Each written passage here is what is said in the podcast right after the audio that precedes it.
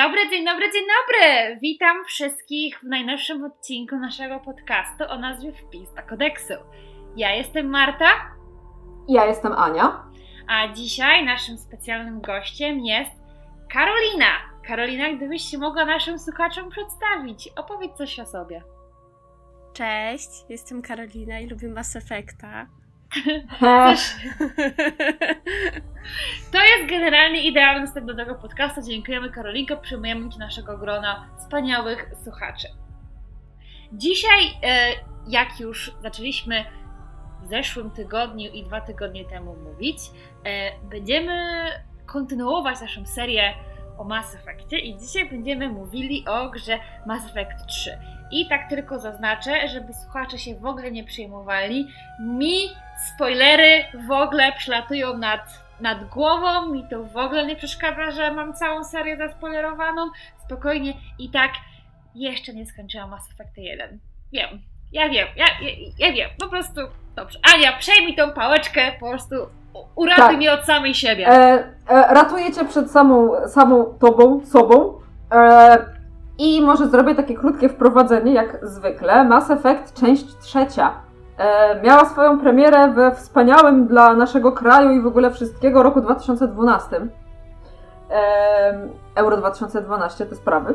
E, I pojawiła się na PlayStation 3, na Xboxa, na PC-ta i, uwaga, uwaga, na Wii U. Wii U jeszcze żyje? Ciekawa jestem, jak się grało w tego Mass Effecta na Wii U. Dobra, nieważne. W każdym razie Data premiery gdzieś tam na początku marca, 8-9, o ile dobrze pamiętam. I e, akurat z Mass Effectem trójką dla mnie osobiście wiąże się bardzo urocza historia. Właśnie z tym, jak, jak ja zaczęłam w, te, w tego Mass Effecta grać, bo e, jak mówiłam, tak, jedynka, dwójka ograła mi w miarę po sobie i nie musiałam zbyt długo czekać na trójkę. Ale akurat krótko przed premierą, to był w ogóle rok, w którym ja musiałam bronić pracę magisterską. I akurat bardzo krótko przed premierą był ten moment, kiedy ja musiałam złożyć już całość. I niestety, zanim odebrałam grę, nie zdążyłam napisać całości, więc jestem nadal pod gigantycznym wrażeniem e, mojej siły woli, że ja kupiłam tę grę, przyniosłam ją do domu, postawiłam na monitorze i nie ruszyłam jej, dopóki nie skończyłam i nie wysłałam tej pracy. Tak Ania, było. Ja ci bo... teraz Ania wow. klaszczę, naprawdę. Ja przez, Dziękuję. Ja przez godzinę 3 miałam kompanię wrzesią na studiach, więc ja po prostu to jest to jest mój podziw, Anno. Podziwiam cię. Ja chciałam powiedzieć, że to było dla mnie wielkie wyżyczenie, bo pamiętam, że wysłałam pracę, słuchajcie, chyba jakoś koło godziny drugiej nad ranem. Myślicie, że czekałam do rana, żeby odpalić Mass Effecta? No nie. No nie. Więc tak, odpaliłam jeszcze tego samego dnia i pamiętam, że spędziłam wtedy bardzo romantyczny cały weekend przy konsoli. Ach, tak. Czyli tak, tak to Bóg było nakazał, Tak jak Bóg nakazał. E, powiedz, powiedz nam, e, powiedz nam Karolina, jaka była twoja przygoda z Mass Effectem trójką? I w ogóle z e, całą e, serią Mass Effect. Tak, no właśnie, bo nie było cię na poprzednich e, częściach, to może nam powiesz w ogóle trochę o tym, czym dla ciebie jest Mass Effect. Wiesz co, u mnie z Mass Effect, tak, z Mass Effectem było u mnie o tyle śmiesznie, że ja nigdy nie przepadałam za science fiction, i mhm. do Mass Effecta jedynki namówił mnie ówczesny chłopak na zasadzie zobacz, bo to akurat się w sumie fajnie gra i tak dalej, i tak dalej. I tak jak usiadłam do tego Mass Effecta jedynki, tak dopóki nie skończyłam kontakt na 100%, to nie, nie odeszłam od pierwszego Mass Effecta. Słusznie, słusznie. I generalnie to samo miałam z dwójką. To były pierwsze gry BioWare'u, do których kupiłam wszystkie DLC. Generalnie moje poranki, bo pracowałam popołudniami w szkole językowej wtedy, i moje poranki mhm. przed południem polegały na tym, że e, robiłam sobie kubeczek herbatki Earl Grey, e, po czym siadałam sobie przy komputerze i przez 30 minut skanowałam planety. Najlepiej. I to, to generalnie były moje takie relaksujące, relaksujący czas przed pracą. Także tak wyglądało moje, moje przeżycia z Mass Effectem 1 i 2. Mass Effect 3 był pierwszym Mass Effectem, na którego czekałam na premierę faktycznie. E, I, i, i to była gra, na którą zdążyłam się hypować i tak dalej, co, e, co było bardzo fajne i, i, i było niesamowitym przeżyciem dla mnie. No zresztą generalnie dla mnie to była roller coaster, to był roller coaster emo emocji przez wszystkie trzy części. Płakałam na otwarciu Mass Effecta 2 płakałam przez przez parę misji w ciągu Mass Effecta 2, w Mass Effectie 1. No generalnie Mass Effect 3 to od razu usiadłam z pudełkiem chusteczek i... Tak, wie, wiedziałaś czego Tak, się spodziewać. Tak, No. tak. Mieszkałam wtedy Tak. też z rodzicami i generalnie co tylko moja e, mama przychodziła koło mojego pokoju, to tak się zaglądała i dopytywała, czy ja sobie zdaję sprawę, że to jest gra, na co ja odpowiadam, tak, wiem, wiem. Mamo, ale co z tego? Moja Tak, krew. tak. Moja Tak, krew tak, to, panuje, tak, się tak, dzieje. tak, to, tak to wyglądało. Zresztą, e, zresztą w tym roku przechodzę sobie Mass Effecta po raz chyba czwarty, Kolejny. piąty. Tak, tak. Generalnie przechodząc Mass Effecta oczywiście mam na myśli przechodzę wszystkie trzy części. Mhm. Ja też, ja też właśnie przechodzę wszystkie trzy części, tylko przechodzę je dla odmiany na PC-cie. E, bo tak jak ty mówiłaś, że właśnie do Mass Effectów kupowałaś wszystkie możliwe DLC itd. itp. Ja też. Co więcej, zrobiłam to dwa razy, bo raz, raz na konsolę i właśnie teraz grając na PC-cie, gdzieś był jakiś taki moment, pamiętam, że była, był super deal na te wszystkie DLC do dwójki i do trójki, bo kosztowały chyba, nie wiem, po 40 zł za całość. Mm. Jakoś tak faktycznie było to niewiele, w sensie całość można było kupić za cenę, za którą niejednokrotnie sama Cytadela chodziła. Em, I pamiętam, że skorzystałam skwapliwie w tym momencie, kupiłam wszystkie po raz kolejny. I właśnie też jestem teraz w trakcie kolejnego przechodzenia Mass Effecta 2. To jest takie piękne. No tak, to, to generalnie to jest na zasadzie takiej, że lista gier, którą masz do ogrania rośnie, tych nowych, ale to, tak Ale jest, Mass Effect. Mm, ale przeżyjmy to jeszcze raz.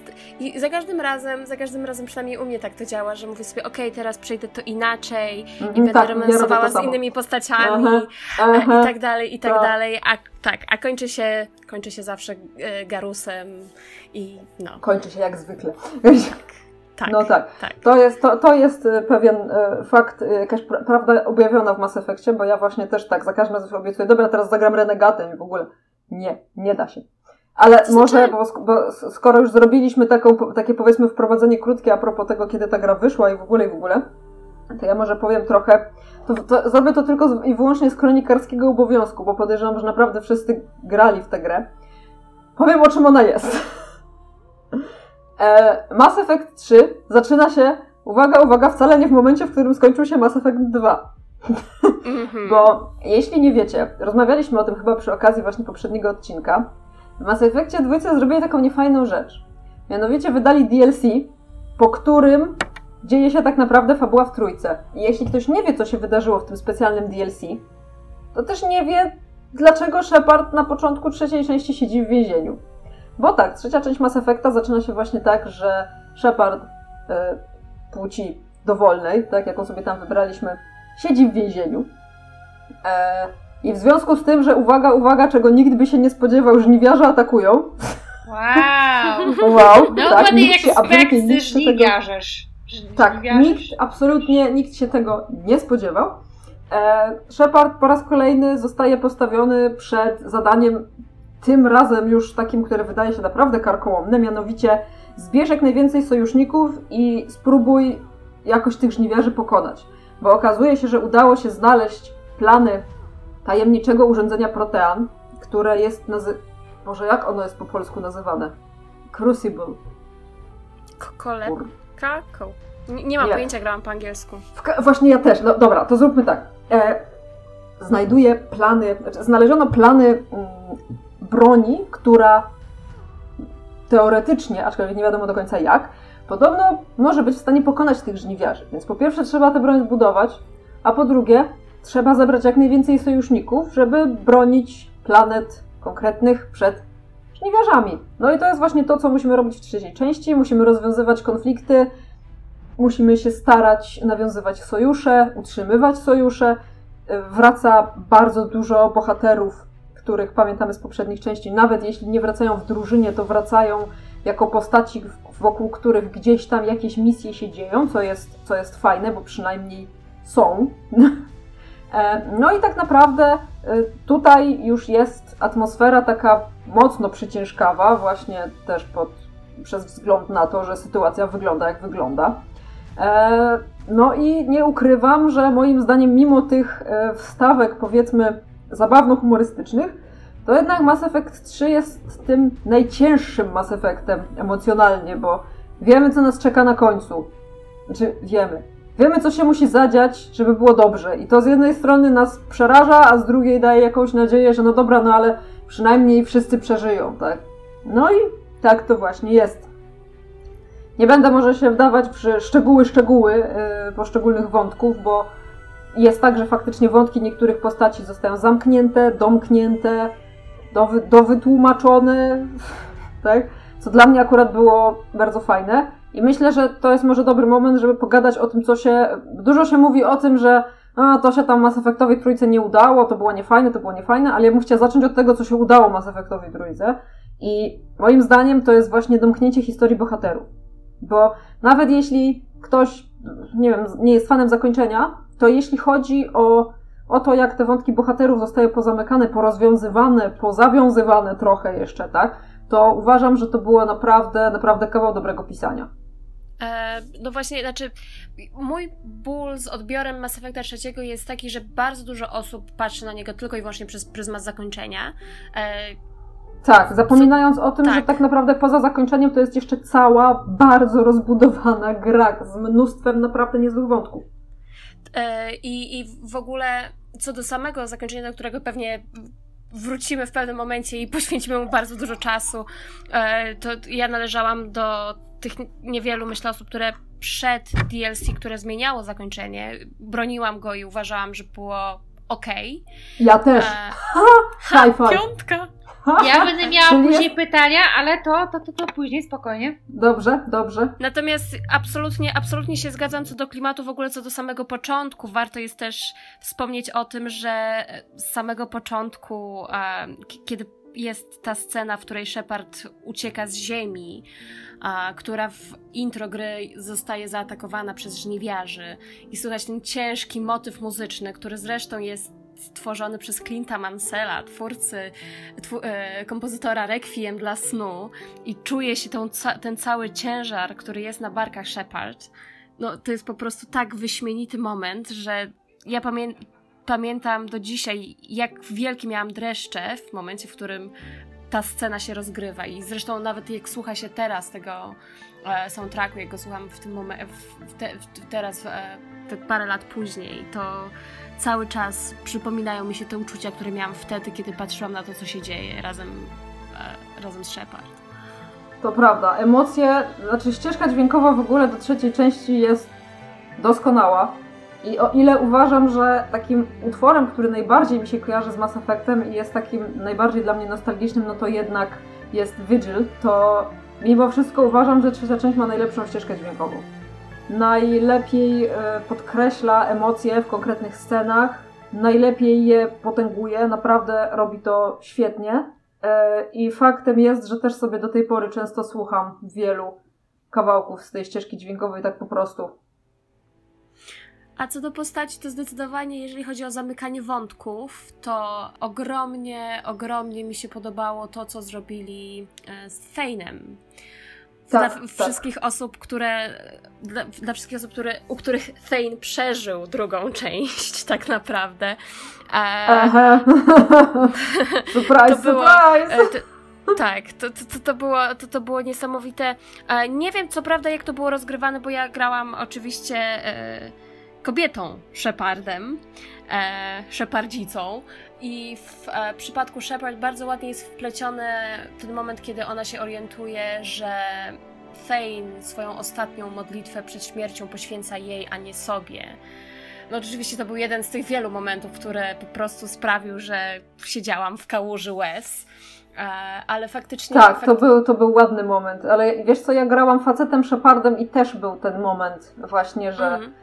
Okazuje się, że nie modli, się nie modli o swoją śmierć, tylko modli się właśnie e, za Sheparda, jakby, tak.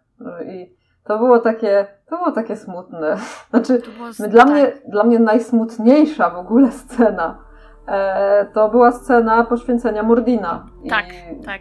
Niestety tak. muszę, muszę jakby, wiem, że było wiele innych scen, które miały równie mocny albo i mocniejszy ładunek emocjonalny.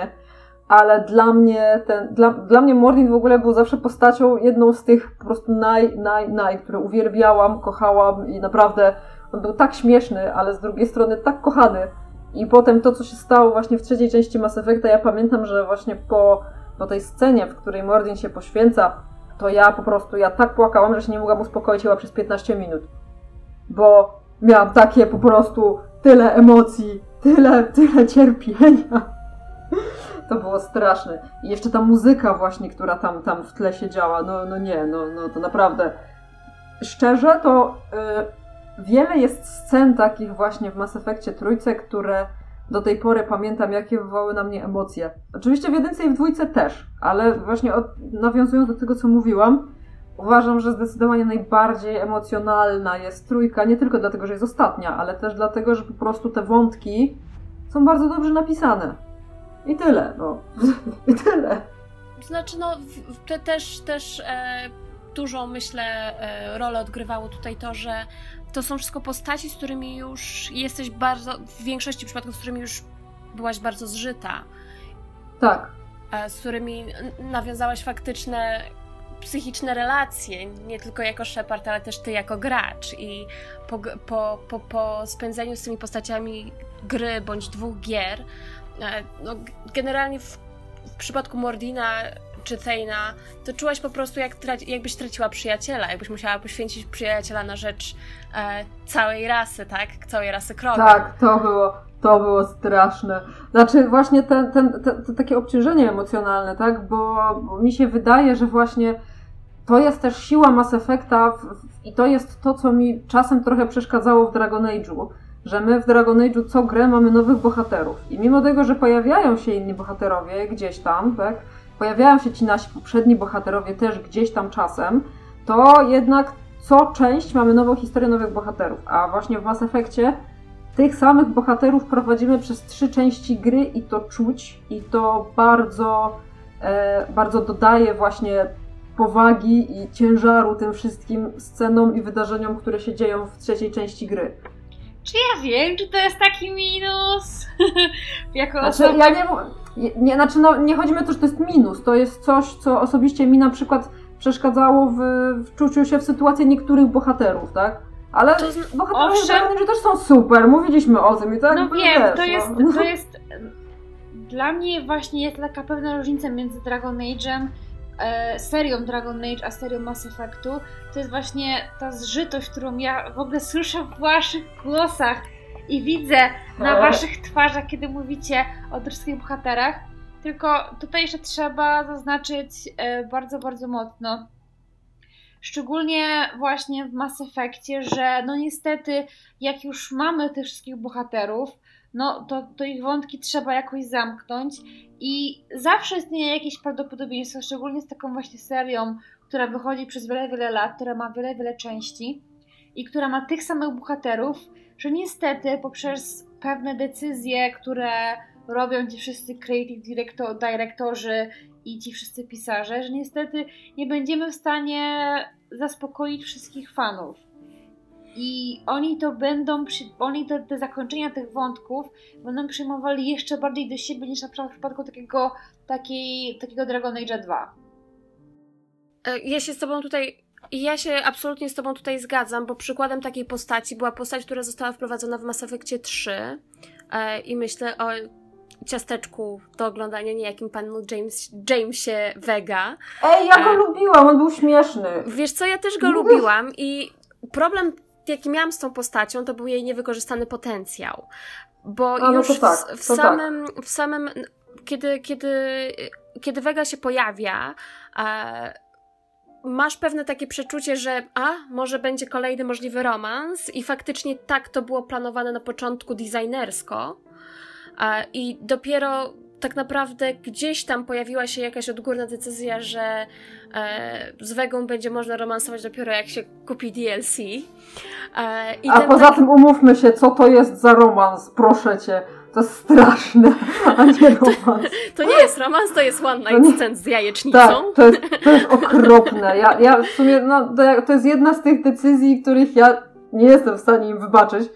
Ale z drugiej strony w tym samym DLC mamy pijanego Javika, więc jakby... Znaczy w ogóle, w ogóle, w ogóle. Cytadela, Cytadela to był taki, jak dla mnie to był taki piękne fanserwis. pożegnanie, tak, piękne pożegnanie z fanami e, Tak. i, i, i forma podziękowania poprzez właśnie te wszystkie takie mrugnięcia okien, burzenie czwartej ściany.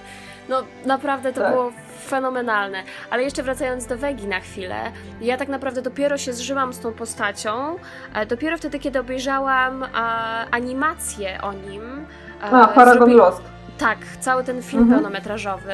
Generalnie no, to był tak dobry film i który dał taką głębię tej postaci, której po prostu zabrakło w grze tylko i wyłącznie dlatego, że ktoś gdzieś nagle podjął decyzję, że to będzie postać, w której z którą częściowo interakcję przerzucimy do DLC, więc trzeba było coś kasować, coś trzeba było zmieniać i generalnie przez to nie jest on aż tak dobrze e, naszkicowany jak inne postacie. e, Znaczy to jest prawda, to jest prawda akurat i też nad tym ubolewam, bo ja go strasznie polubiłam jeszcze przed obejrzeniem tego filmu yy, i film, to fakt, film jest bardzo dobry. Mimo, że jest okropnie rysowany i okropnie animowany, to Mhm. fabularnie jest bardzo dobry i bardzo ciekawy. Yy, I faktycznie mam trochę za złe twórcom, że stworzyli naprawdę fajną postać z głębią yy, i pomyśleli sobie, no dobra, no to stworzyliśmy fajną postać, ale mm, nie może być tak, że wszystko będzie w grze. Zróbmy z tego film, trochę wrzućmy do DLC i będzie spoko. I no nie wiem, to jest, to jest jakaś taka decyzja tych twórców, która nie do końca mi podeszła, bo uważam, że tak jak wszyscy inni bohaterowie dostali tyle czasu, ile powinni, żeby dobrze przedstawić ich charakter, dobrze przedstawić ich historię, tak, James był na tyle, myślę, fajny i fajnie się wpasował w to uniwersum, że moim zdaniem też powinien mieć taką szansę w samej grze, żeby się dać lepiej poznać. No tak, no właśnie, właśnie to, to, to był ten problem, że nikt mu, nikt mu nie dał szansy tak naprawdę. E, takiej, na jaką on zasługiwał. I bardzo często się spotykałam e, z głosami ludzi, którzy grali w Mass Effecta 3 i podchodzili do Wegi bardzo po macoszemu, co było moim zdaniem... Tak. No jest, no. No jest, ale jest przecież Garus, e, a jest Rex, Tak. jest Mordin, jest Thane, więc co nam po tym gościu, który nagle Po się po pojawia co w mi ten koleś, nie? No. Tak, tak, No który... Siła mózgów się musi zgadzać w każdej części Mass Effecta. E, Tak. No, Wiadomo. Także- Ale od tego jest Wrex.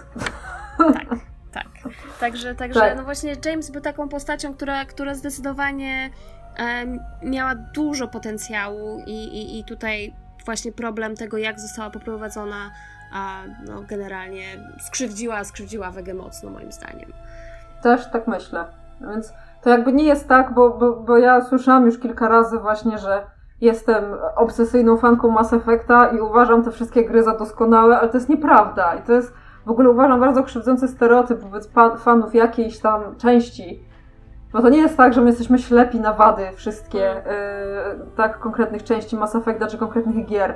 My po prostu pomimo tych wad lubimy tę grę, ale to nie znaczy, że nie wiemy, że niektóre rzeczy można było zrobić lepiej. I chciałabym się teraz odnieść do tego zakończenia, bo ja uważam, że narzekanie na zakończenie, czy w ogóle to, co się zadziało wokół tego zakończenia, bo jeśli nie wiecie, zakończenie Mass Effecta trójki wywołało gigantyczny skandal.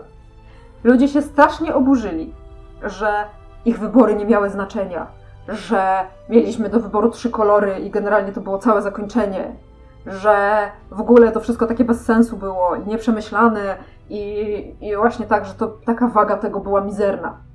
Otóż ja wam powiem jedną rzecz, która, e, znaczy ja w ogóle to po pierwsze, jestem zawsze zaskoczona, jak dużą wagę ludzie przywiązują do zakończeń, podczas gdy to jest tylko element gry.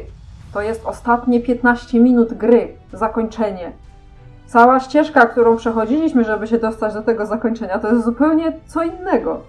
To właśnie denerwuje mnie to, o czym ty już właśnie powiedziałaś, e, Karolina, że ludzie właśnie oceniają Mass Effecta trójkę często przez pryzmat tego zakończenia.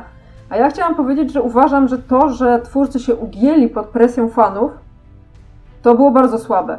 Hmm. Bo To był to, chyba... to było. Myślę, że to rozpoczęło taką praktykę też trochę, że fani jak ponarzekają, zrobią petycję, zrobią awanturę, to dostaną to, czego chcą. Tylko problem jest taki, przynajmniej ja tak uważam. Ja uwielbiam Mass Effecta. ale to nie ja go wymyśliłam, to była czyjaś wizja, ktoś miał na to swój pomysł. I umówmy się szczerze, nie dałoby się zrobić zakończenia, które uwzględniałoby wszystkie nasze wybory. No come on. Jakby, no nie, no nie widzę tego. I ja absolutnie byłam mega zaskoczona tym strasznym hejtem na to zakończenie. Że po prostu jest najgorsze na świecie, że niszczy całą serię, że niszczy całą markę. Eee. I co jeszcze? Tak, tak właściwie jak teraz o tym wspominasz, to to był chyba jeden z pierwszych, o ile możliwe nawet, że nie pierwszy przypadek tego, co teraz jest nagminne, czyli tego tak zwanego outrage culture, tak? Że tak. coś nam Wydaje się nie się, podoba. że to mógł być jeden z pierwszych. Na pewno y, ja wtedy jeszcze nie byłam tak mocno wkręcona w środowisko i nie, nie angażowałam się tak mocno w żadne dyskusje, ale wydaje mi się, że to mógł być jeden z pierwszych takich y, przypadków. Tak, i, i, generalnie, bo, bo teraz już jesteśmy do pewnego stopnia do tego przyzwyczajeni, że e, wychodzi sezon serialu, czy wychodzi gra i pojawia się milion głosów, a, że. Znaczy, to nie jest milion głosów, to z reguły jest bardzo mało głosów, ale które są bardzo głośne. Ale głośne. Tak. tak. Które, które narzekają z takiego czy innego powodu i, i, i robią petycje i wszystko i w ogóle. E, ale wtedy to, właśnie wtedy to było, wtedy to było szokujące. Wtedy ludzie nie byli do tego przyzwyczajeni. Um, mhm. I ja pamiętam, że też byłam, byłam bardzo zdumiona e, takim podejściem. M mnie osobiście pewne niedopowiedzenia i pewna otwartość tego zakończenia zakończenia się bardzo podobały. No bo właśnie, tak jak sama mówisz, nie, nie ma możliwości, żeby dogodzić wszystkim. I z drugiej strony, w ten sposób sama możesz sobie dopowiedzieć to, co nie jest wiadome w taki sposób, że tobie się podoba. I... Tak, dla mnie, dla mnie to też była bardzo duża siła tego zakończenia. A to właśnie, co oni zrobili później, to pozamykali te wątki, mm. które zostały pozostawione w domyśle, tak? Pozamykali, no. pozakańczali, krowie na rowie łopatologicznie wyłożyli, no dobra, a potem to, a potem to, a potem to. Ale moim zdaniem to było absolutnie niepotrzebne. W ogóle... No właśnie tak, tak. I jeszcze jest, jeszcze jest jedna kwestia. E, zmienienie zakończenia całkowicie zabiło pewną fenomenalną teorię, jeżeli chodzi o zakończenie. E, tak. Ja byłam wielką fanką tej teorii. Wydaje mi się, bo mm, Pierwszą i drugą część pisał Caprician, Caprician, nigdy nie pamiętam, gdzie mhm. to R jest w jego nazwisku. E, w trzeciej części on odszedł tak jakby chyba w trakcie tworzenia trzeciej części, ale wydaje mi się, że ta teoria e, tak zwanej indoktrynacji Sheparda była tak, mhm. fenomen- znaczy, tak fenomenalnie pasowała ze wszystkim i tak się wpasowywała w to, co Carpation robił dookoła tej gry, łącznie z książkami, tak, to, to z tą trylogią książek. E, zwłaszcza, że trzecia książka... teoria? Teoria polegała na tym, że e, według wszystkich po spotkaniu z, po spotkaniu z Reaperem e, Shepard zostaje tak jakby zainfekowana, prze, zainfekowana, zainfekowany przez e, żniwiarzy e, i powoli, jej, powoli umysł Sheparda jest poddawany indoktrynacji. I tak naprawdę cały Mass Effect 3, cała fabuła Mass Effecta 3 nie, nie odbywa się w rzeczywistości. To jest wszystko wymysł umysłu e, Shepard. I zakończenie, tak naprawdę Twoja decyzja w zakończeniu to była tylko i wyłącznie decyzja nad tym, czy poddajesz się tej indoktrynacji, czy nie. W momencie, w którym wybierasz zakończenie renegata, zniszczenie maszyn, e, miałoby znaczyć, że Shepard tak naprawdę e, pokonał indoktrynację nie został zindoktrynkowany przez e, żniwiarzy i wtedy tak naprawdę mogłaby się dopiero potoczyć fabuła zakończenia walki e, wszystkich, wszystkich, wszystkich istniejących ras. Że generalnie dopiero tak naprawdę to stawiało takie, takie otwarte wrota do kolejnego Mass Effecta, który mógłby być faktycznym zakończeniem. A w momencie, w którym e, decydujesz się pójść za e, sugestią Illusive Mana i akceptujesz maszyny, tak jakby umysł Sheparda finalnie poddaje się indoktrynacji. I to jest um, teoria, która miała bardzo. Kiedy spojrzy się na to z tej perspektywy, to generalnie te, te zalążki, takie pomysły fabularne na, na, na tę rzecz widać wszędzie przez, prze, przez całą trzecią część. W momencie, kiedy to e, zakończenie zostało zmienione, i, i masz narratora, który opowiada ci wszystko i tłumaczy ci wszystko, co się dzieje, e, tak jak widzisz na ekranie, generalnie no ta teoria już niestety nie miała racji bytu, bo narrator ci mówi, że nie, że jedyne, że, że generalnie jedyna słuszna rzecz, jaka się wydarzyła, to, to to A, B, C i D, które właśnie widzisz na, na monitorze. Także, także no, generalnie, generalnie ja byłam ogromną fanką tej, tej koncepcji i było mi niezmiernie przykro, że, że DLC ją zniszczyło. Ja mam tylko jeszcze takie jedno pytanie odnośnie tego zakończenia, bo właśnie a propos tego całego outrage culture, że jak coś jest, jak coś właśnie jest zakończone, bo ty powiedziałaś, Ania, że ty nie za bardzo rozumiesz tego właśnie tego całego outrage'u, że przecież liczy się e, droga, którą się odbyło do tego zakończenia, ale wydaje mi się, że my jako ludzie, nie wiem, wewnętrznie potrzebujemy tego, tego tak zwanego po angielsku closure, że my potrzebujemy powiedzenia, że coś jest białe, a coś jest czarne, przynajmniej niektórzy z nas. Nie powiedziałabym, że większość, ale na pewno niektórzy z nas potrzebują, potrzebują tego, tego takiego czystego zakończenia, że włożyłaś w jakąś, w jakąś grę albo produkt kultury ileś tam, ileś tam i, i ileś tam godzin. I to niby ta podróż, którą odbyłaś sama w sobie jest, jest czymś wspaniałym, ale potrzebujesz tego takiego zatwierdzenia Twojego fanostwa, powiedzenia przez fanów, że o, że odbyłeś tą całą długą podróż, więc masz zakończenie, które w pewnym stopniu Ci to wszystko, nie dość, że Ci wszystko wytłumaczy to, co do tej pory zrobiłeś, ale również da Ci takie swoiste, że tak, skończyłem tę, tę grę, jestem kimś wspaniałym. Znaczy wiesz co, yy, i masz rację i nie masz w sensie w kontekście Mass Effecta, bo akurat w Mass Effectie jest tak, że to poprzednie zakończenie mhm. to nie jest tak, że to się urywało wszystko w pewnym momencie i koniec, tak? Zakończenie oryginalne Mass Effecta, które ja na szczęście jeszcze pamiętam, ale już mi się zaciera powoli, mhm. było takie, że pokazywało właśnie co, czego dokonaliśmy, tak? Owszem, nasze wybory nie miały na to jakoś super wpływu, e, bo tak jak mówiłam, trudno byłoby przygotować tyle opcji zakończeń, żeby każdy, każdy najmniejszy wybór miał jakieś znaczenie, ale dostaliśmy zakończenie jakby tak wątku, nie został on urwany, wy, wy, przepraszam, e, wiesz, e, ciachnięty w żaden sposób. Dostaliśmy informację o tym, co się stało z bohaterami. Co więcej, w zależności od tego, jak tam nam poszło i jaką opcję wybraliśmy, Shepard może zginąć, ale może też przeżyć. I jest taka, jest taka piękna scena właśnie, kiedy już wszystko tam, tak, okazuje się, że mhm. dobra, zniszczyliśmy te przekaźniki masy, no ale poradziliśmy sobie jakoś z tymi żniwiarzami i w tym momencie niektórzy, ja miałam akurat taką scenę, że jest pokazany pancerz Sheparda i widać, że tak głęboko oddycha, bierze taki głęboki oddech i na tym się tak. kończy gra. I to, to jakby, co ja dostałam w ramach tego pierwszego zakończenia, mhm dla mnie było całkowicie okej, bo to nie było tak, że, że tam kompletnie, y, wiesz, ja mam, ja mam wrażenie, że e, myśli się o tym tak, że po prostu gdzieś te wątki zostały niedokończone, urwane i po prostu nagle dostaliśmy jakiś, nie wiem, jakiś koszmarek.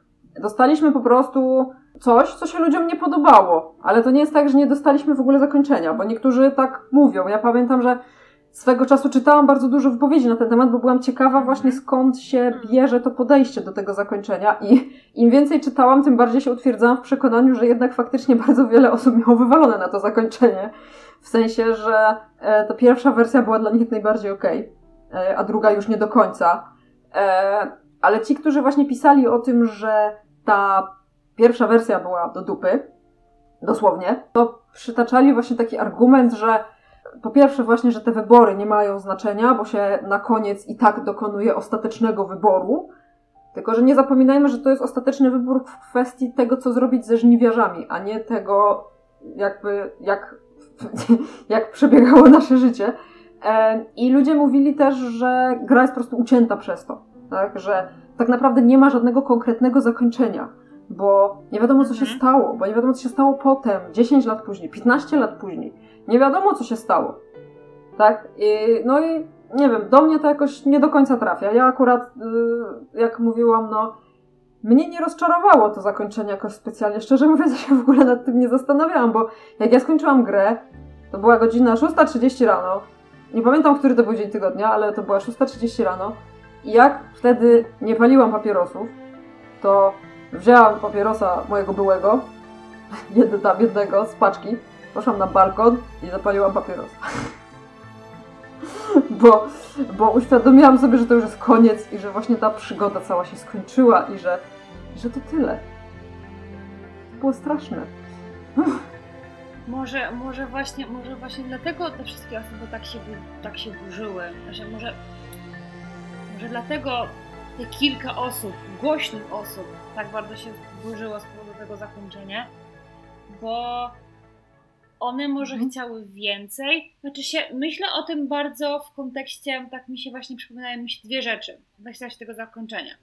Przypomina mi się bardzo zakończenie innego dzieła kultury w Polsce, bardzo, bardzo znanego tytułem Wiedźmin i tego, i tego jak to, i tego jak ta, to, takie otwarte zakończenie zostało wykorzystane przez CD Projekt Red do nomen omen stworzenia ich własnego fanfika. No sorry, ale inaczej tego nie potrafię określić.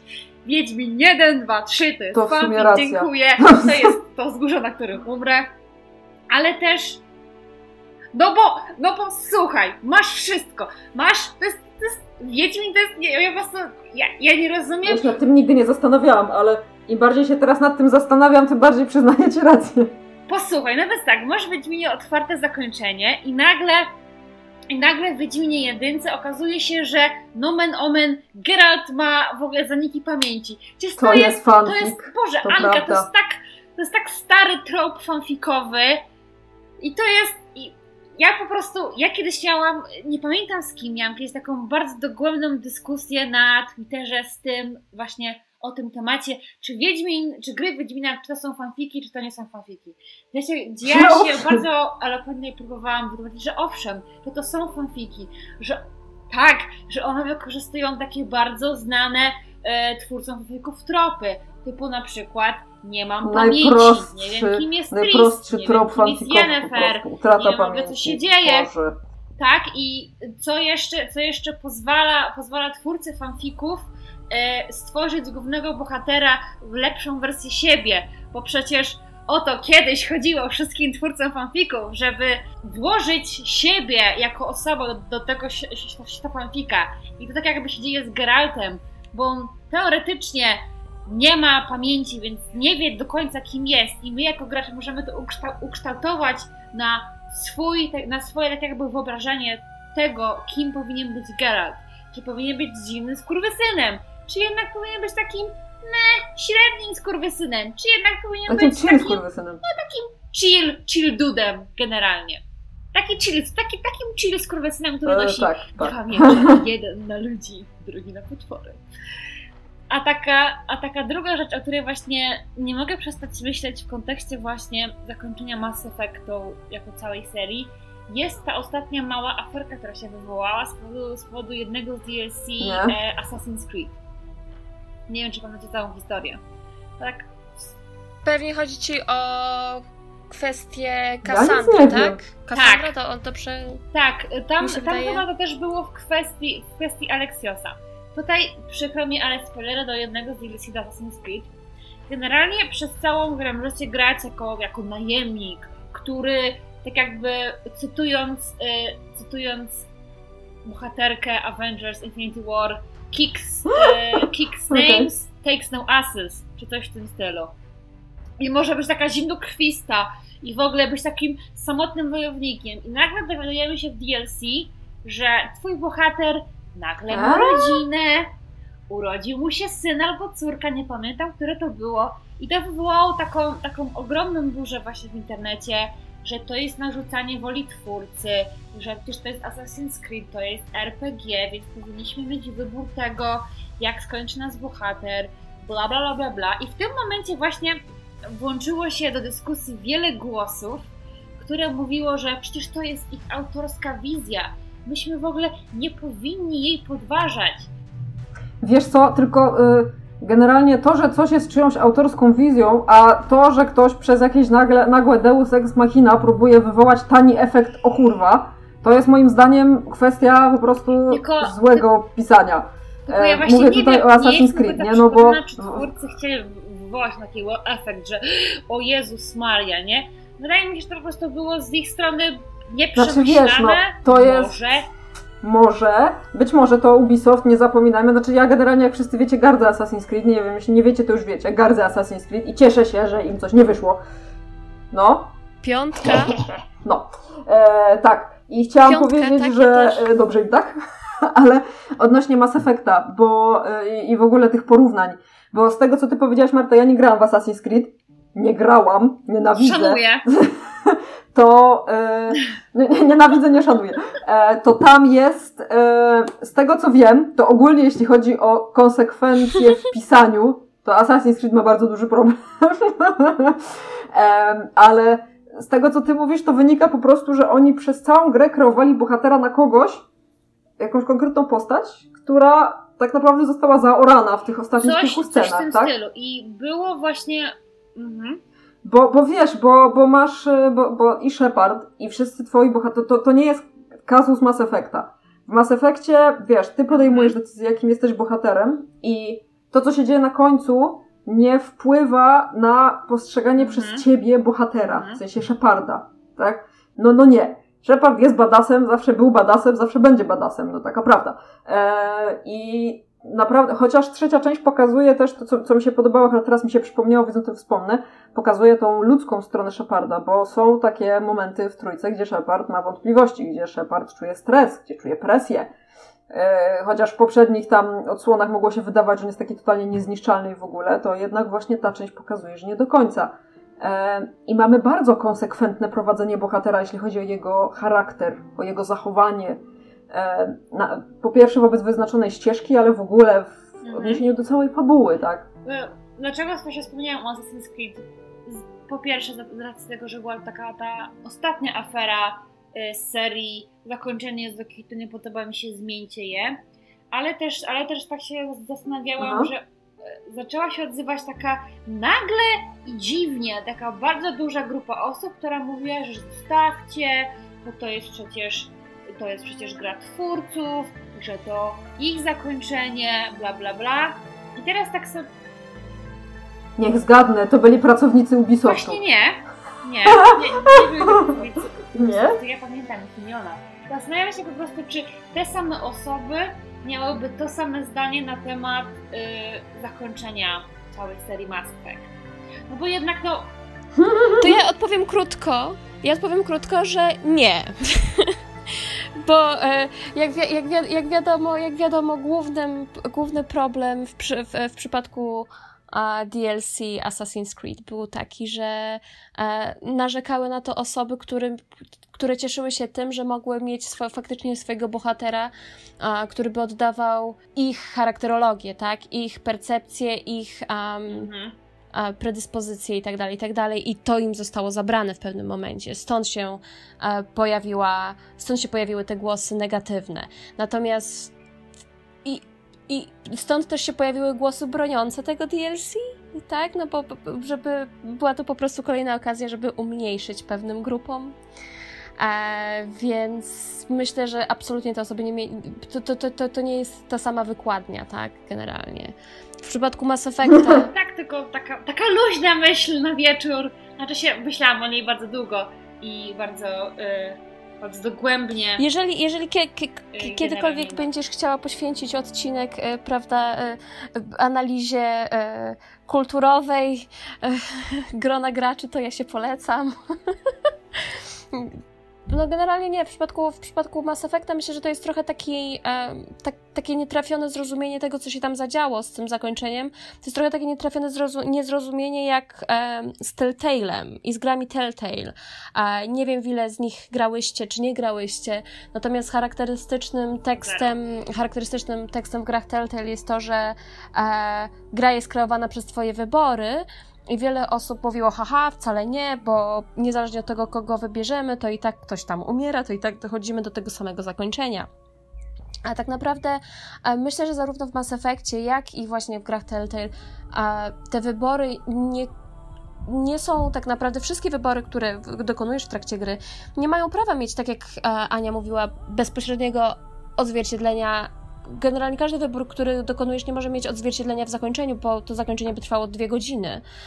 Chodzi bardziej o to, że Twoje wybory tak naprawdę mają wpływ na inne postacie w grze, na to, co się dzieje w grze dookoła pod względem tego, jak te postacie z tobą wchodzą w interakcje, jak się zachowują. Mass Effect oczywiście, jako że miał o wiele większy budżet, pchnął to o wiele dalej niż, e, niż Telltale, e, ale generalnie myślę, że to jest trochę taka, taki właśnie brak, e, brak interpretacji ty, ty, ty, tych twoich wyborów jako wpływ na to, jak postrzegają cię inne postacie w grze i jak się wo wobec ciebie zachowują, jak, jakie rzeczy dzieją się wokół ciebie w trakcie dokonywania wyborów, a nie tak naprawdę de facto jak, jak, jak, odzwierciedla, jak są one odzwierciedlone w samym zakończeniu, bo samo zakończenie nigdy nie, no, no, niemożliwym jest, żeby jedno zakończenie, które trwa 15 minut, e, mogło od, mogło tak naprawdę powiedzieć coś na temat każdego wyboru, którego dokonałaś przez trzy gry, z których każda trwała około no na przykład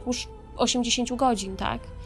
To można taką rzecz próbować zrobić w grach typu Dragon Age, gdzie masz jedną grę, w której są tylko ci bohaterowie i próbujesz jakoś to wszystko ich historię zakończyć. To, to tam jeszcze jest, jest możliwe do wzięcia i do zrobienia w miarę ładnie. Patrzcie Dragon Age Origins i Dragon Age 2. E, no ale no właśnie jednak z tego, co mi mówicie, opowiadacie właśnie w Mass Effectie szczególnie, biorąc pod uwagę tą kontynuację tych wszystkich wątków i bohaterów, jest to niezwykle bardzo trudne. Ale generalnie mówicie, że to zakończenie nie było wcale aż tak złe. Nie, ab absolutnie nie. Mi się uważa, że mi się, mi się wydaje, przepraszam, że e, narosła jakaś taka legenda wokół tego zakończenia, po prostu, że ono niszczy wrażenie z całej serii, ale ono wcale nie było złe. Ja mówię, no. Bo to jest właśnie, bo to jest właśnie to, co ja wyniosłam jako osoba, która kiedy wyszedł Mass Effect trójka, ja wtedy jeszcze nie miałam własnej konsoli, ja wtedy w ogóle w gry nie grałam, bardziej byłam w mangi, animu i tego typu rzeczy. I ja czytając artykuły, te, które wszystkie powstawały i te, i te wpisy na Reddicie, no to byłam lekko zszokowana tym, że jak BioWare śmiało. I to wyciągnęłam z tej całej afery wokół właśnie Mass Effecta i też czasami mam wrażenie, że to właśnie sprawiło, że ja przez tak długi czas się wstrzymywałam przed, przed w ogóle zaczęciem grać w Mass Effecta. Przecież, no co, konsolę mam od 2014 roku, no to już trochę czasu jest, ale dopiero zaczęłam grać w 2018, więc no. Absolutnie nie powinnaś pozwolić temu e, zepsuć te frajdy. No nie pozwolę, Anno. No ja myślę. Wy mi nie pozwolicie. To prawda, my i cały Twitter ci nie tak, pozwolimy. Tak, generalnie zaczęłaś grać Proszę. tylko i wyłącznie pod presją Twittera. I skończysz no, grać tak. pod no presją i, Twittera. No i, no i sobie mam podcast o, o Mass Effectie, więc to przydałoby się wiedzieć, o czym się e, mówi. No. Kiedyś. Oj tam, w dzisiejszych czasach to nie jest modne. Dokładnie tak. to nie jest notopia oglądanie rzeczy, które tak, się mówi. Tak. Punkt. E, ale ja chciałam powiedzieć właśnie, że myślę, że też e, częściowo ten hejt na to zakończenie i ta krytyka wynikał po prostu z tego, że no, skończyło się coś, co dla wielu było ważne, lubiane, znane. No, no wiecie, no nigdy się wszystkim nie dogodzi, tak? Nigdy, nigdy nie jest tak, że wszystkim się wszystko podoba. No popatrzcie na przykład na Gwiezdne Wojny których kolejne... O, to jest zupełnie inna puszka tak. Ania, nie idźmy tą drogą. Chodzi mi o to, że wiesz, nie da się y, wziąć takiego dzieła dużego jak Mass Effect, jak Gwiezdne Wojny i, itd. itp. i zrobić tak, żeby się wszystkim podobało. Nie da się. Zwłaszcza, że y, tylko, że właśnie to tak wygląda. Zwróć uwagę, Marta, jeżeli będziesz gdzieś tam kiedyś jeszcze uczestniczyć w jakiejś dyskusji, że ci ludzie nie narzekają na grę jako taką Ci ludzie nie twierdzą, że bohaterowie do dupy, źle napisane wątki, fabuła słaba, że to generalnie nudne, co tam się dzieje. Oni narzekają tylko i wyłącznie na zakończenie. Ja nie tak, wiem. No, no, gra fajna, gra fajna, ale to zakończenie, mm, no, słabe, słabe. Ja, ja, nie wiem, ile osób w waszych kręgach e, krytykowało tę konkretną część e, rzeczy z zakończenia, ale generalnie w, w przypadku bardzo wielu osób, które ja znałam, miałam wrażenie, że bardzo dużo osób oczekiwało takiego jednoznacznego happy endu. A, to też, tak. I zastanawiam się... Kilku, tak, kilku, w kilku dyskusjach, które czytałam, właśnie to było podniesione, że należał się happy end. No i właśnie tak generalnie kontrastując z całym klimatem tej trzeciej części, z klimatem wszystkich części, jeżeli pod, pod względem Zagłady. historii, zagłady nie tylko ludzkości, ale zagłady wszelkiego, e, wszelkiej złożonej myśli e, i świadomości we wszechświecie, to generalnie, generalnie happy end pod tytułem Shepard wyjeżdża na jednorożcu, który ma, któremu spod ogona wylatuje e, błyszcząca tęcza.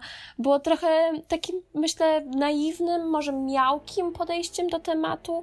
Ja, tak jak, bo to jest pewien dysonans, bo ja bardzo chciałam, żeby Shepard miała wspaniałe życie, które sobie ułoży z Garusem i w ogóle i będzie najwspanialej, ale gdyby to był taki właśnie zwykły happy end, kolejny, to to byłaby kolejna historia, która nieważne właśnie co się podziało w tam w trakcie, bo i tak wszyscy żyli długo i szczęśliwie, a ta gra od, po, Tak, od początku się tak nie tak nie może przedstawiała, być. tak?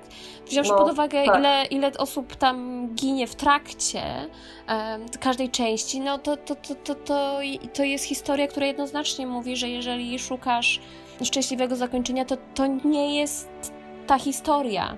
Tak, też, też tak myślę, ale też mi się wydaje, że co do happy endu właśnie e, dobrze, że o tym wspomniałaś Karolina, bo mam wrażenie właśnie, że to co oni zrobili z tym zakończeniem w momencie, kiedy je zedytowali, to właśnie je uhappy endowili.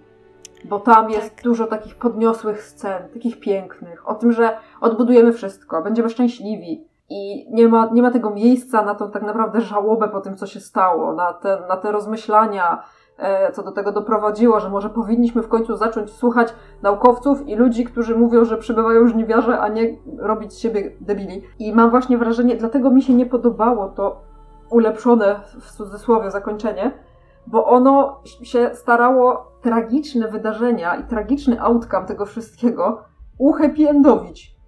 Tak, I i, dlatego mi się to nie podobało. i tak jakby Ale to jest właśnie to, czego zwykli i normalni ludzie oczekują od popkultury. No nie oszukujmy się, wszystkie filmy, wszystkie takie właśnie podniosłe filmy, Dzień Niepodległości, nie wiem, Armageddon czy coś w tym stylu, to są jednak filmy, które w jakiś sposób, no może nie Armageddon akurat. Ej, ja kochałam ten film jako 12-letnie dziecko, przepraszam bardzo. Nie no, przecież go. Armageddon To się kończy happy endem, bo przecież ta asteroida w końcu nie, nie trafia w Ziemię, tak? No więc ogólnie masz Ale Bruce. Willis No ale, no ale główny bohater umiera, tak jakby poświęca się dla... Ale umiera na rzecz miłości Bena Afflecka i Liv Tyler, come on! No nie? No, Najgorzej. no okej, no, no niech będzie. No ale jednak my jako tacy średni y, odbiorcy kultury, niektórzy nawet o tej kulturze zbytnio głęboko nie myślą i to nie jest, i to nie jest żadne, żadne ale wobec ich stylu życia. Po prostu są tacy ludzie, niech sobie będą, ja to, ja to w pełni szanuję, y, którzy nie myślą o tym, co odbierają i jak odbierają, tylko chcą odebrać to, co już dostawali wcześniej. I to właśnie mi się wydaje zaistniało w zakończeniu Mass Effecta, że ludzie po tych wszystkich filmach i tych innych grach, no proszę was, całe w ogóle Uncharted to jest, to jest gra, w której sprytny, sprytny główny bohater niekoniecznie mu się wszystko udaje, ale jednak, ale jednak, bo on jest taki sprytny, Ale mądry, zabawny. Uncharted to jest, wiesz, to jest nudna liniówka, no, to jest jakby, znaczy, e, ja myślę, Marta, że właśnie dlatego, o czym ty mówisz, właśnie dlatego, a propos tego, że mówiłaś właśnie, że e, ludzie tego Ludzie oczekują, oczekują tak, tych dobrych zakończeń. są tych dobrych zakończeń, tylko że oni to robią totalnie bezrefleksyjnie, wiesz, jakby, nawet jeśli to nie wynika z historii, to jebnijmy dobre zakończenie, bo, bo wypada, tak? I dlatego, już wiem, co chciałam powiedzieć, i dlatego mi się strasznie, ale to strasznie nie podoba to, że BioWare sobie pozwoliło po prostu tak wejść na głowę i że stwierdziło, no dobra, kajamy się, poprawimy to zakończenie. No nie, bo, no, no nie, no sorry.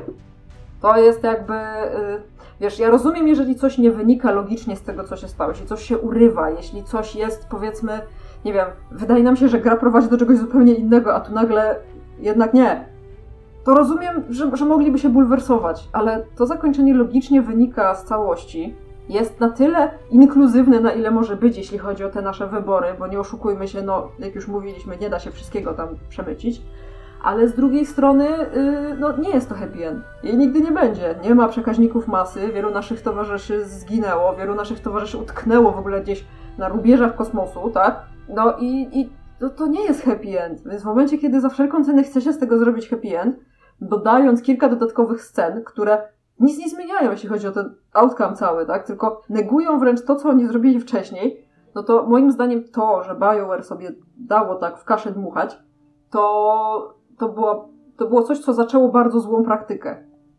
Tak, tak, absolutnie, Mhm. absolutnie się tutaj zgadzam, zwłaszcza, że zwłaszcza, że e, myślę, że jeszcze taką inną warstwą tego narzekania było to, że a w momencie, kiedy zderzasz, tak jak Marta powiedziałaś, tych ludzi, którzy tak naprawdę po prostu chcą kolejnego tekstu kulturowego, który przetrawią szybciutko, będzie happy end i lecimy po następny tytuł.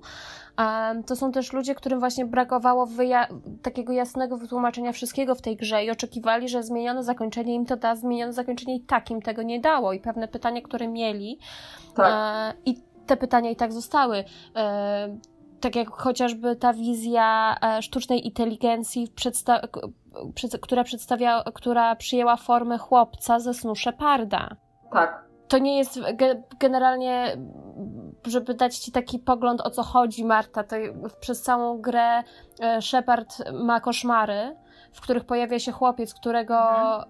Którego Nie Shepard, uratować. Tak, którego Shepard nie mogła uratować, jak była na ziemi. Widziała, jakiego tam. E, jak, jak on zostaje zabity przez żniwiarzy. I ten, ten chłopiec pojawia się e, w koszmarach, kiedy Shepard, szczególnie wtedy, kiedy Shepard wątpi w swoją misję, wątpi, że, że wszystko się uda, że uda się uratować e, świat przed żniwiarzami. Z jakiegoś powodu, nieznanego graczowi, właśnie kiedy e, Shepard dociera do, ty, e, do, do tego finalnego miejsca, gdzie może pokonać żniwiarzy, sztuczna inteligencja przyjmuje formę właśnie tego chłopca ze snu. I to jest jeden z tych takich momentów Mhm. bardzo niejasnych. To jest jeden z tych momentów, który właśnie po, po, potwierdza niejako tę teorię indoktrynacji Sheparda. I ludzie pytali, dlaczego nagle tutaj, skąd to dziecko i w ogóle o co chodzi i tak dalej. Oczekiwali, że rozszerzone zakończenie od BioWare'u nagle da im te, te właśnie odpowiedzi, a, czy odpowiedzi na sny Sheparda, etc., etc., etc. I to zakończenie im tego nie dało i tak byli niezadowoleni z tego zakończenia. I to, jest, to, to, to generalnie sprowadza się do tego, że nigdy nie dogodzisz wszystkim. Dlatego najlepiej dogodzić sobie, w sensie zrobić po swojemu. Tak, tak. Taki, tak, taka jest Tak. moja konstatacja w tym temacie. No nie mówiąc o tym, że Mass Effect trzyma tak naprawdę jeszcze jedno zakończenie, które jest ostatnim, finalnym DLC do całej gry, czyli e, najlepsze DLC w historii, Mhm. w historii Czyli DLC Cytadela. kiedykolwiek. Cytadela, znaczy Tak ja nie jest. chcę za dużo o Tak nim mówić, bo uważam, że każdy powinien przeżyć to sam, ale Cytadela to jest DLC, Tak. który jest totalnym fanserwisem po prostu. Jest takim pięknym pożegnaniem z bohaterami. To jest po prostu DLC, w którym jako Shepard y, robimy imprezę. Tak. Jest, Oj, to jest rewelacyjne. DLC, naprawdę. Jest świetne i widzimy naszych bohaterów w takich bardziej, powiedzmy, normalnych sytuacjach, właśnie impreza, te sprawy, ale to wszystko jest też, gdzieś tam jest jakaś misja też dodatkowa, tak, ale to wszystko jest poprowadzone z takim humorem, jest taką miłością do tych bohaterów i z takim, Tak. takim pozytywnym w ogóle podejściem do tego wszystkiego, że ja naprawdę grając w to, no miałam łzy w oczach, trochę ze śmiechu, a trochę ze wzruszenia, bo e, już wtedy miałam całą grę za sobą, już wiedziałam jak to się skończy, wiedziałam co się tam wydarzy, ale to, to DLC to był taki balsam na serduszko, no troszeczkę. Tak, tak. No generalnie, generalnie jeden z momentów, który, który do dzisiaj pamiętam, to jak wszyscy stoją ustawieni w rzędzie, gotowi do akcji i ty musisz wybrać dwie osoby i to jest takie niezręczne, bo oni wszyscy na ciebie patrzą i mają nadzieję, że ich wybierzesz i wybierasz tych samych, tych samych bohaterów, których zawsze wybierasz, żeby z tobą poszli Tak. i w tym momencie... E, nie, kurczę, nawet nie pamiętam, kto to, chyba była, to, to było w tym ro, rozegraniu, w którym Mhm. Ashley przeżyła. Raz popełniłam ten błąd. I Ashley, e, Ashley powiedziała, Ashley powiedziała I never get picked. I to było takie prawdziwe, bo nigdy Ja jej też, nie wybierałam. umarła. E, nie, ja raz, ja raz faktycznie, raz faktycznie, to, to było chyba pierwsze przejście. Ja nie pamiętam, że wtedy nie za dużo rozmawiałam z Ashley w tej pierwszej części, bo byłam zbyt zajęta e, Rexem i Garusem. Może to dobrze. I, i, właśnie, i, I właśnie wtedy Ashley przeżyła, ale potem już przy nas, każdym następnym przejściu, jak tylko z nią trochę porozmawiałam, to było takie. O, chyba umrzesz. Aj, Oj, tak, chyba, chyba już nie mam problemu z tą Tak, e, decyzją chyba- chyba i z tą misją. Ale widzisz, i właśnie to, to jest też ciekawe, bo Tak. e, ja na przykład. E, Ashley nie jest moją ulubioną bohaterką, nawet nie jest lubianą przeze mnie bohaterką, co nie zmienia faktu, że zarówno Ashley, jak i Jacob, czyli dwójka bohaterów, których nie znoszę najbardziej w Mass Effectie, są postaciami, które są napisane dobrze i konsekwentnie. Bo znam ludzi, którzy za te same cechy, których ja u nich nie lubię, bardzo ich lubią. Więc y, myślę, że to, to też jest kolejna jakby siła tej gry, że właśnie mimo tego, że tych bohaterów nie lubimy, czy nam jakoś nie pasują, to to nie jest tak, że to jest dlatego, że oni po prostu są bez sensu i są bez jakichś emocji i, i nie mają swojego charakteru czy coś, tylko właśnie przez to, że mają taki, Nie, a nie. nie inny charakter. Tak. Tak, charakter, poglądy, Tak. tego typu sprawy. Generalnie to tak, tak naprawdę to na podstawie czego oceniasz ludzi Tak, w normalnym tak. życiu i na podstawie której decydujesz, z kim chcesz nawiązywać relacje, a z kim nie chcesz nawiązywać relacji, to właśnie działa w 100% też w Mass Effectie. Tak, jak na przykład w przypadku Jak Ashi. na przykład w przypadku Ashley. Ale słuchajcie, bo tak gadamy i gadamy, ja myślę, że tu się powoli trzeba zbliżać do zakończenia. Ja chciałam tak, myślę, że fajnie by było zrobić kilka słów podsumowania. Ja uważam, znaczy dla mnie Mass Effect trójka i w ogóle cała trylogia, no, Ja bym się chciała tak może na zakończenie chciałabym zadać wam, chciałabym, wam za, No. chciałabym wam zadać jedno pytanie. Strzelaj. Co waszym zdaniem zmieniło Mass Effect w waszym życiu? wszystko. Ale tak bardziej, no bo ja rozumiem, to jest gra, ży, seria życia i takie wspaniałe, jak i jak, i Shepard, i w ogóle, i Garus, i Garus, i Garus, i Garus, i nikt poza Garusem. Dobrze, to ja może pierwsza powiem, co zmienił Mass Effect w moim życiu. E, Mhm. Podejście do storytellingu w grach. Bo grałam wcześniej w gry, które były dobrymi historiami, w tym moje ulubione Planescape Torment, e, czy Baldur's Gate 2 i inne takie. I to były gry, które fabularnie mnie rozwalały na upadki, ale nie wiem, nadal jakoś tak, bo podejrzewam, że to była kwestia formy. Te gry dla mnie były takim bardziej, taką bardziej tekstową przygodą, a Mass Effect dla mnie był taką totalnie interaktywną historią, w której jakby ja się bardziej wcielam w tego bohatera i ja nie ukrywam też, że to, że akcja dzieje się w kosmosie, było dla mnie bardzo, y, no rzeczą, która mnie też bardzo do tego przyciągnęła. I myślę, że właśnie tak, kwestia opowiadania historii poprzez bohaterów, poprzez dobry sposób pisania, tworzenia świata, bo ten świat jest, jest gigantyczny i tam jest tyle rzeczy do odkrycia i do przeczytania i zawsze byłam pod wrażeniem detali. I myślę, że właśnie Mass Effect jako seria, już nie mówię o konkretnej części, pokazał mi, że gry takie mogą być. Że gry to nie musi być e, oszczędność formy, y, ale dużo treści, ale że to może być dobra forma i dobra treść. Karolina, co Mass Effect zmieniło w twoim życiu? Dla, zdecydowanie dla mnie pierwsza zmiana to była podejście ogólne do gier jako takich. A Mass Effect jako seria stał się dla mnie benchmarkiem tego, e, co uważam dla siebie za dobrą grę, ale też w ogóle stał się wyznacznikiem tego, po jakie gry zaczęłam sięgać. Też się właśnie skupiłam o wiele bardziej na story, storytellingu, ale takim bardziej imersyjnym i takim, który w którym ty przeżywasz tak naprawdę historię emocjonalnie do cna, po prostu do ostatniej łzy, do o, o, ostatniego dreszczu. Um, także zdecydowanie podejście do gier jako takich i ogólnie bym nawet wyszła z tym poza gry, tak naprawdę z, z prowadzeniem historii, nawet do pewnego stopnia w filmach, w książkach i tak dalej. Ja e, generalnie dużo czytam, dużo więcej czytam niż oglądam i, e, i właśnie cała narracja Mass Effecta i to, jak jest prowadzona tam historia, stało się dla mnie też pew- pewne, do pewnego stopnia wyznacznikiem tego, co uważam za dobrą historię, jako dobrą opowieść e, ogólnie. Co wy byście chciało powiedzieć tak po prostu od serduszka o Mass Effectie? Właśnie ja się zastanawiam, czy, bo ja zawsze tak trochę mówię o Mass Effectie, jakbym traktowała Mass Effecta te trzy gry jako jedną. I myślę, że jakby trudno mi będzie powiedzieć coś o samej trójce, ale jednak spróbuję jakoś to podsumować. Ja uważam, że trójka jest godnym, bardzo godnym zwieńczeniem całej trylogii. E, przeżywałam bardzo dużo emocji grając w nią, wspominam ją do tej pory mimo że przeszłam już kilka razy od tamtego czasu, to nadal wspominam niektóre sceny, które nadal są takie, że siedzą mi gdzieś tam w głowie. I naprawdę jestem pod wrażeniem, że w taki sposób udało się zamknąć tę całą historię z trzech gier, abstrahując od tego, czy komuś się podoba zakończenie, czy nie, bla bla bla bla bla bla. To jest konsekwentna, zamknięta historia i zawsze BioWare będzie miał u mnie gigantyczny szacun za to, że udało im się utrzymać w całej trylogii taki wysoki poziom.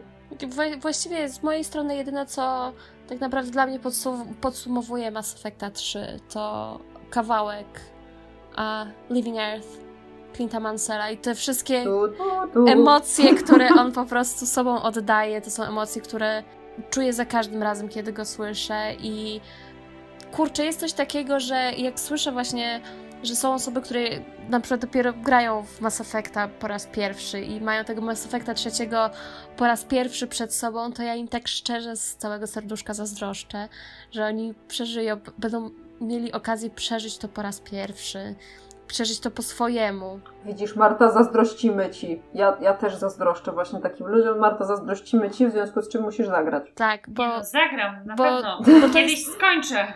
Bo to jest takie, to jest, oczywiście tam, wiesz, przechodzimy to po raz kolejny, nie, żeby tak jakby wrócić chociaż na, na chwilę, na momencik do tego uczucia, które było wtedy, kiedy to się przechodziło po raz pierwszy, ale no nigdy nie będzie miała ta gra na tobie tak na, na tobie takiego, e, nie będzie miała na ciebie takiego wpływu, nie, nie, nie będzie takiego impaktu miała, jak wtedy właśnie w, e, jak gra się w nią po raz pierwszy, jak pewne rzeczy w Mass Effectie trójce przeżywa się po raz pierwszy, a zresztą no Bez spoilerów Tak. jeszcze.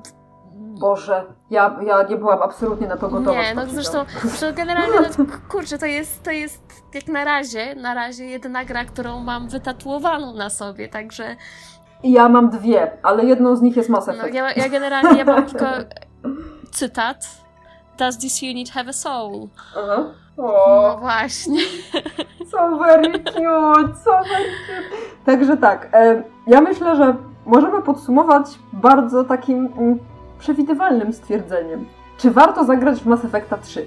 Tak, kurwa, warto. W skali od jednego do Jak ktoś jeszcze tak. nie grał. 500. Jak ktoś jeszcze nie grał w Mass Effecta 1, 2, 3. 3, ale generalnie 1, 2, 3. Tak. To niech zagra. Dziękuję. Tyle ode mnie. Tak. E, Po, po, po, podpisuję się ręcyma i nogami pod tym stwierdzeniem. Zdecydowanie Tak. to jest. Także Mass Effect 3, e, zwłaszcza, że myślę, że to, to jest istotna informacja dla niektórych. Ja na przykład teraz ostatni raz grałam z modami, które podbijają jakość tekstur, bo gram na PC. I ta gra naprawdę dobrze wygląda. Znaczy, nawet i bez tych modów wyglądała nieźle, ale naprawdę właśnie mody podbijające tekstury robią mega robotę w Mass Effectie trójce i polecam. Tak. No, także tak. E, To tyle, moi drodzy. Może skoro Marta się przywitała, to ja się pożegnam. Dziękujemy Wam bardzo za wysłuchanie naszego odcinka o Mass Effectie trzecim. I chcemy Was zaprosić teraz na kolejne odcinki, które będą dotyczyć zarówno Mass Effecta, jak i Dragon Age'a, dlatego że będziemy się teraz pochylać nad konkretnymi wątkami, bohaterami, będziemy sobie wybierać nasze ulubione elementy i będziemy o nich dyskutować. Jeżeli macie jakieś sugestie, pytania albo pomysły, napiszcie do nas. Tymczasem żegnają się z Wami ja, czyli Ania, papa. Ja, czyli Marta. Pa, pa. I nasz wspaniały gość. Tak, w klimacie tak tylko powiem e, I should go. I should go. Tak, dziękujemy i do usłyszenia. Chciałabym tym samym ogłosić, że kolejny wpis do kodeksu został dodany. Pa! Yeah!